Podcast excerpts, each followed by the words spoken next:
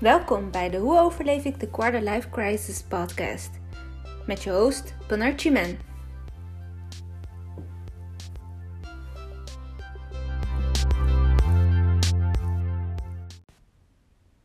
Hallootjes! Super leuk dat je weer luistert naar een nieuwe aflevering van Body. Um, ik had afgelopen week eindelijk de balls gegrowd om een podcast te delen op Instagram. Ik ben hier letterlijk in maart mee begonnen en het is al mei.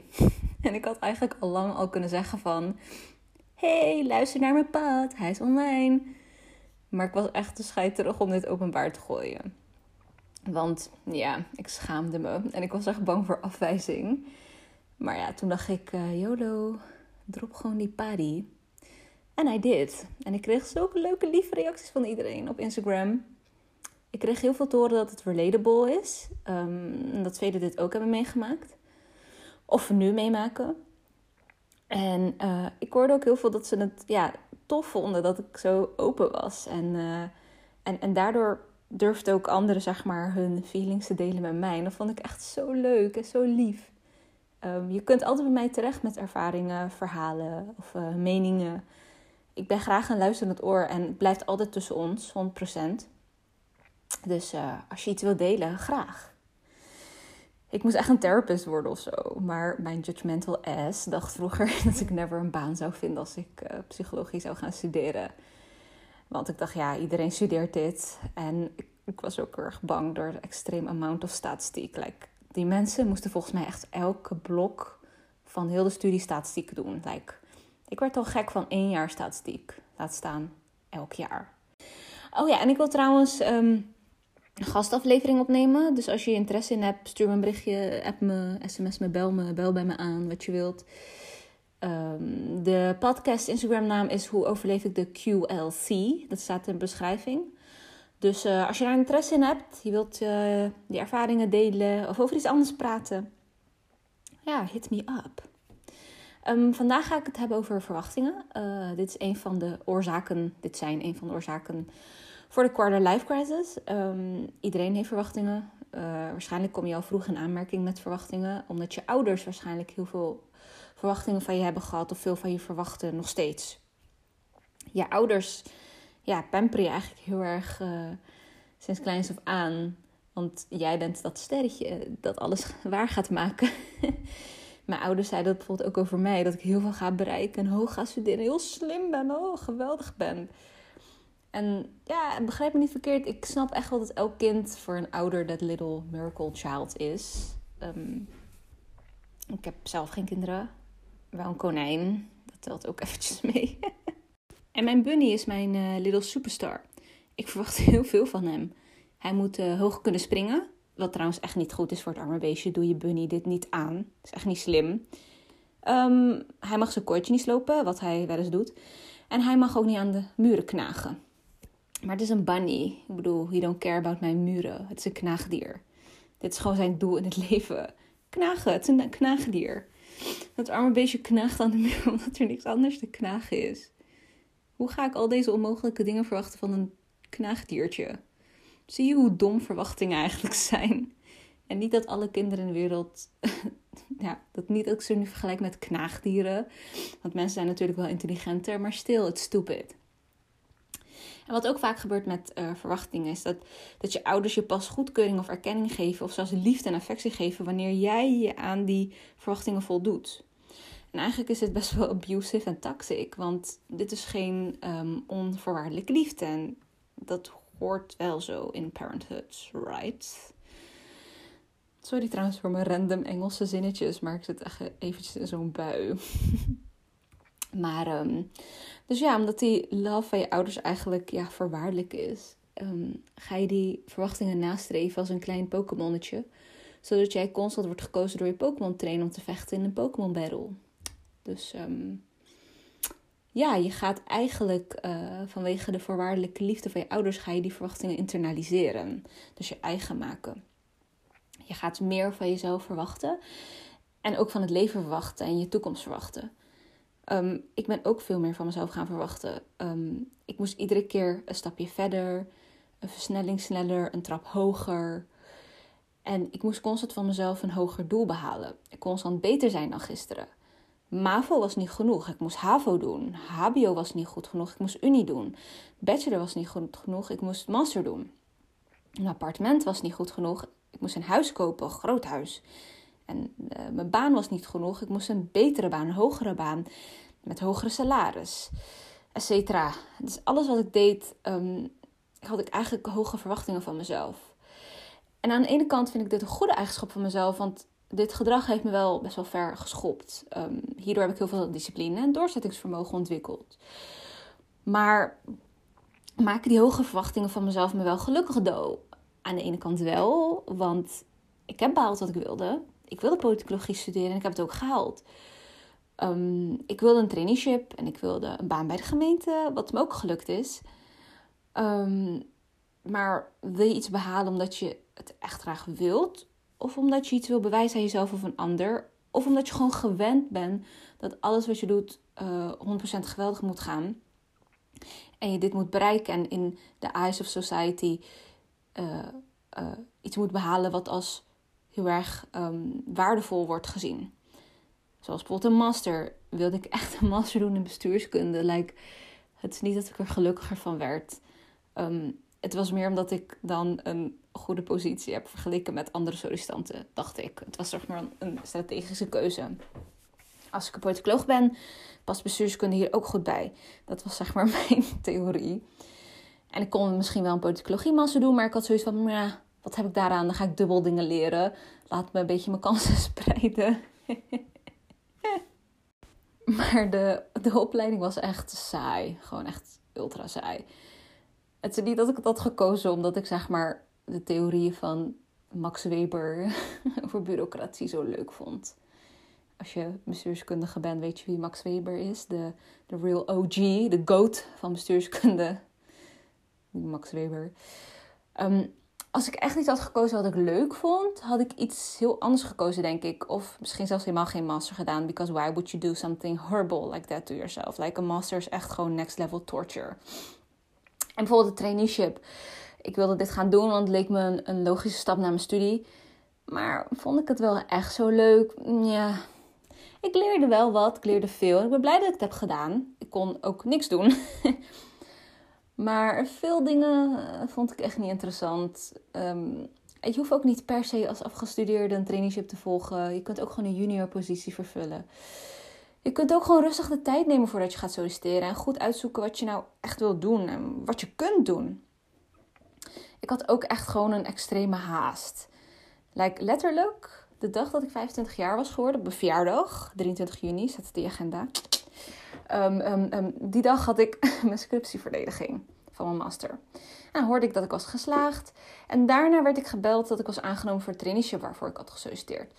Dus ik had zeg maar allemaal victories achter elkaar op één dag. Het was echt de best day ever. Maar achteraf gezien denk ik, waarom die haast? Waarom steeds zo snel achter elkaar alles willen doen? Snel, bam, bam, knallen. Neem een keer even gewoon rustig de tijd voor jezelf. En ga rustig nadenken en kijken en uitzoeken voordat je, voordat je iets aangaat of, of, of een trein instapt. En daarnaast ook um, maak gewoon een keer een fout. Uh, faal een keer of val een keer. Want van fouten leer je echt. Ik denk dat ik echt mijn meeste les heb getrokken uit um, fouten, falen. Is het trouwens, zeg ik het zo? Ik weet niet, mijn Nederlands is echt slecht. ik ben echt allochtoons. Um, nou ja.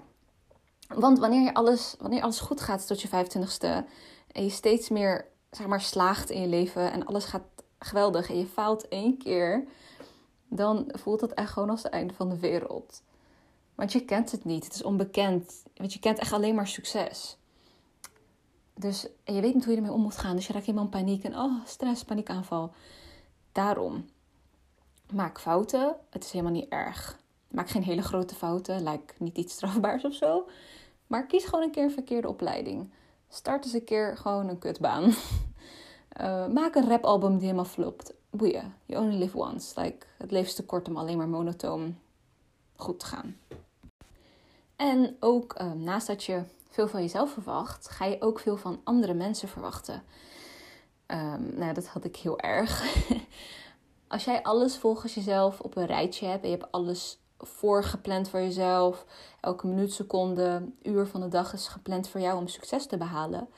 En je ziet dat anderen dit niet doen, dan ga je ze gewoon gaar vinden of ga je ze minder vinden dan jij. echt judgmental, maar ik was echt zo.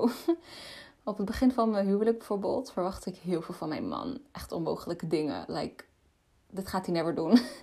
Je denkt gewoon dat je wederhelft gewoon alles gaat doen wat jij wilt. Bijvoorbeeld koken, schoonmaken, romantisch zijn, bloemetjes kopen voor jouw cadeautjes, lief zijn, bla Maar je echtgenoot is ook gewoon een mens van vlees en bloed, net als jij, met emoties en, en irritaties en dingen. Je hebt een bepaald beeld in je hoofd van hoe een relatie eruit moet zien, waarschijnlijk van films of zo.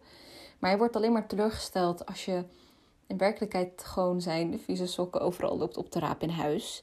En weer eens voor de zoveelste keer de spiegel van de badkamer staat schoon te maken. Omdat je man net zijn tanden heeft gepoetst. Als een walvis of dolfijn dat zo water spuit via zo'n gaatje op zijn hoofd. Like, waarom al die spetters op, op de spiegel? Of wanneer hij zijn snorharen heeft geknipt en overal kleine haartjes vliegen. Of, of deze, deze. Wanneer hij heeft gekookt voor één klein mini gerechtje en duizend lepels heeft gebruikt. 1 miljoen borden. Duizend biljoen vorkjes. En weet ik veel, alle, weet ik veel, biljartpannen heeft gebruikt. ik weet niet of biljart bestaat. en dat mag jij afwassen. Of wanneer hij de auto heeft gebruikt. Deze, oh, deze snap ik echt niet. Hij heeft de auto gebruikt en, en overal liggen lege waterflessen. Waarom duizend waterflessen? En plastic zakjes, KFC-zakjes, sla van zo'n zo vieze sla van een burger, zo vies. Of vieze croissantkruimels. Uh, uh, ik kan echt uren doorgaan. Ik kan echt uren doorgaan. Letterlijk uren, dagen. Dagen kan ik doorgaan, maar ik houd hierbij. En, en ja, naast dat je dus ook van mensen verwachtingen hebt, ga je bijvoorbeeld ook verwachtingen hebben van je carrière. Ehm, op school leer je bijvoorbeeld dat je alles kunt worden. Als je maar je best doet en je diploma haalt. De wereld staat wagenwijd voor je open zodra jij wel je diplomaatje op zak hebt, dat papiertje. Je moet je best doen, opletten in de les, proactief meedoen, niet spijbelen, elke les aanwezig zijn, hoge cijfers halen, huiswerk maken. En dan, dan ben je de ubermensch. en op de unie word je al helemaal gewoon volgestopt met veer in je asser. Ik weet nog, ik weet echt nog, een van mijn eerste hoorcolleges kreeg ik een soort van motivational DJ Khaled preek van een hoogleraar. Dat wij allemaal de toekomst zijn en de wereld gaan veranderen. En als we de studie, studie zouden afronden, um, zouden wij gewoon de beste banen ever krijgen. En dat we de toplaag van de maatschappij zijn. De elite high-class wonderkindjes. dat we allemaal kleine Barack Obama'tjes, Max Webertjes, koffie-anantjes zijn. Well, still waiting, meneer de professor. en um, nou, dan haal je diploma. En dan moet je een baan gaan zoeken, want je moet opeens betalen voor alles. En dan ga je met je high-class attitude een sollicitatiebrief schrijven. Met allemaal taalfouten, want je hebt alleen maar vier jaar Engels gehad, dus je kan geen Nederlands meer. en dan solliciteer je voor functie beleidsadviseur internationale, bla bla bla, weet ik veel. Bij je BUZA, want iedereen solliciteert bij BUZA. en dan word je afgewezen zonder toelichting. En dan probeer je het weer voor functie senior, beleidsmedewerker, duurzaam, uh, et cetera, weet ik veel. Zo'n bullshit uh, benaming. En dan word je weer afgewezen en dit keer met toelichting van je hebt te weinig ervaring. Dan ga je snappen, oh, er is een verschil tussen junior en senior. Oké, weet ik veel, dat wordt je niet geleerd op Unie. Um, en dan ga je op zoek naar junior functies, want je denkt, nou, dan maar junior, hè. En dan ga je op gesprek. Maar dan is er toch wel iemand die toch beter is dan jij. Omdat diegene één master of één stage of één weet ik veel wat meer heeft dan jij. Of misschien van Minerva, weet ik veel. En zij is die parel en jij bent dus niks, dus bye. En dan zeggen mensen, nou solliciteer dan voor een traineeship. En dan doe je dat. En dan moet je een, dit snap ik niet. Dan moet je een rekentest doen. Waarom, waarom moest ik een fucking rekentest doen voor een traineeship? Waarom? Ambtenaren rekenen niet. Wij doen dat niet, oké? Okay? Planeconomen rekenen, oké. maar wij niet. De rest rekent niet. maar ja, die haal je dus niet. Dus uh, dan heb je ook geen recht op een sollicitatiegesprek. Dus klaar. Dan ga je weer terug naar je Primark bijbaantje. En dan vraag je of je van weekendkracht naar fulltime mag gaan. Maar dat kunnen ze niet doen, want je bent te duur. Want uniediploma en te oud. Dus je wordt desperate, teleurgesteld in jezelf, want je dacht dat jij, die, die, die, dat jij diegene was waar de wereld op wachtte. Maar je ain't shit, want er is altijd wel iemand beter dan jij. En dan na lang zoeken neemt eindelijk iemand je aan en je bent desperate, dus je zegt gelijk ja. En dan ga je beginnen met werken. Dan moet je bepaald werk doen wat je niet zo interessant vindt en niet snapt waarom je moet doen. En, uh, en je denkt, wat is dit? Je komt die van Unie met alle theorieën nog vers in je hoofdje. Je weet nog wat een lineaire regressieanalyse is en een T-toets. Ik weet het allemaal niet meer, maar toen wist ik het nog wel. Maar je gebruikt het allemaal niet. je hebt voor niks geleerd. en um, dan ga je werk doen waarvan je denkt, ja, moet dit er zijn? Weet waarom bestaat deze baan eigenlijk? Waarom? Je moet gewoon een poppetje daar zitten, waarschijnlijk. En dan ga je klagen bij je collega's. En dan ga je zeggen van ik wil meer, ik wil leuker werk doen, geef me andere opdrachten. En dan zeggen ze, ach joh, je bent net begonnen joh. Je moet nog helemaal onderaan beginnen joh. Net als iedereen moet jij ook gaan groeien. Je komt wel. Je bent nog hartstikke jong joh. Je bent nog hartstikke jong. Hè? Jij komt er wel. Dus ik heb dit allemaal gedaan. Allemaal gedaan om gewoon dit te horen. Dus ik heb toch al gestreden om van onder helemaal naar boven te gaan. Om uiteindelijk te genieten toch van de vruchten nu. Met werken, toch? Right? Dus ik ben helemaal van de MAVO naar de master gegaan. Only to start over again. Like really. Dan kon ik net zo goed gelijk stoppen en werken. Dan groeit het ook na, uh, door. Ik kon net zo goed gewoon niet naar school gaan. ik kon net zo goed bij de Primark doorgroeien en manager worden. Kon ik net zo goed een OnlyFans beginnen. Nee, nee, oké, geen OnlyFans. Laat dat maar niet doen. geen OnlyFans. Maar ja, dit was ik dus twee jaar geleden. Ik was echt boos en geïrriteerd en helemaal doodgestreden op school. Oh, niet te starten the bottom again. Want ik had heel veel verwachtingen. Ik zou een superleuke startersbaan hebben, superveel leren, uitdagend werk doen, helemaal uitgeput, maar voldaan zijn elke dag. En zoveel relevante en interessante dingen doen en echt iets bijdragen. Maar uiteindelijk deed ik gewoon routinematig werk. En um, ik denk dat heel veel jongeren dit nu ook hebben tijdens de quarantaine bijvoorbeeld. Je bent bijna klaar met je middelbare school, echt ready voor het eindvissaatje. Mag je niks meer doen. Dat is echt balen. Dat gevoeletje dus. Het leven pakt gewoon heel anders uit dan dat jij verwacht. Verwachtingen maken je dus verdrietig, teleurgesteld, gedemotiveerd, geïrriteerd. Je zult echt nooit die verwachting krijgen. Nooit. Het kan gewoon niet. daarom zijn spontane gebeurtenissen of verrassingen zo leuk. Want ja, je verwacht het niet. Het moet wel een positieve verrassing zijn natuurlijk. Maar die pakken altijd gewoon goed uit. En ik las naast, laatst een, een soort zelfbewustzijnsontwikkeling boekje. Zo'n zweverig zelfontwikkeling boekje met van die zweverige kaften en titels met energie, bewustzijn, vind jezelf, open je chakra. dat had ik van mijn schoonbroer gekregen. En um, ik dacht, well, let me read it. Het is toch niks anders te doen. En het was echt super interessant, echt waar. Um, het boek ging dus deels over verwachtingen. En um, het gaf aan dus wanneer je alles in je leven meer benadert uh, met voorkeuren in plaats van verwachtingen. Dat je echt veel gelukkiger en rustiger en, en, en chiller zult leven eigenlijk. Het klinkt echt heel corny. Maar het idee is dus dat je een voorkeur hebt in plaats van een verwachting. Dus je koopt een auto en normaal verwacht je dat het, dat het rijdt en dat hij het doet. Maar in plaats van dit te verwachten, maar de voorkeur te hebben dat het rijdt, maar niet te veel de nadruk te leggen dat, dat het moet rijden, maar meer denkt van nou, nou, mijn voorkeur gaat uit naar dat hij het doet, maar voor de rest verwacht ik er eigenlijk niks van. Dan ga je niet huilen als hij kapot gaat na één dag. Want je verwacht het niet. Het was een voorkeur. Net als nou, mijn voorkeur gaat uit naar een stracciatella ijsje, maar als het uh, chocola is, vind ik het ook lekker. Zeg maar, als je alles met die mindset bekijkt, dan, um, dan, dan leef je gewoon chiller eigenlijk. En ik snap dat dit heel erg klinkt van, oké, echt corny, is makkelijker gezegd dan gedaan. Want je verwacht toch bijvoorbeeld dat je ouders voor je zorgen rijdt. Dat is een soort van je recht, denk ik, als mens. Of je verwacht dat, dat een dokter je gaat genezen als jij ziek bent of je hebt je been gebroken. Want ja, je gaat het anders doen. Waarom ga je anders naar het ziekenhuis? Dat snap ik, maar het klinkt misschien een beetje hard. Maar uh, niemand is jou wat verschuldigd. Ook je ouders niet en ook de dokter niet. En vanwege dit feit um, neem je jezelf eigenlijk in bescherming tegen heel veel hoofdpijn, teleurstellingen en stress. Als je gewoon niks meer verwacht van mensen, of je huisdier, of je spullen, of keuzes, opleidingen, banen, de overheid, de wereld. En daarnaast vind ik ook, um, het is ook dat je intentiefout is wanneer je iets terugverwacht. Um, mensen willen altijd iets doen uh, wanneer ze iets uitkrijgen, zeg maar. Uh, mensen denken rationeel. Uh, we zijn rationeel, ook vaak emotioneel, maar ook heel vaak rationeel. Je maakt bijvoorbeeld een kosten-batenanalyse. Als je een cadeautje koopt voor iemand, hoop je dat je ook iets terugkrijgt. Want daarom doe je het. Dit is echt trouwens iets met Turkse bruiloften.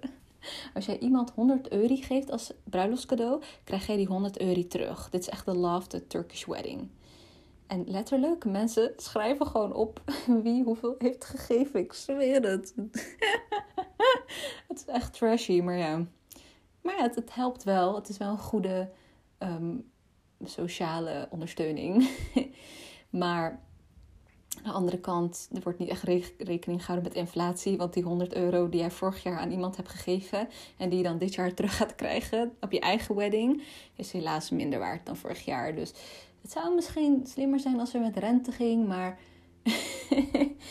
ja, laten we dat concept niet introduceren.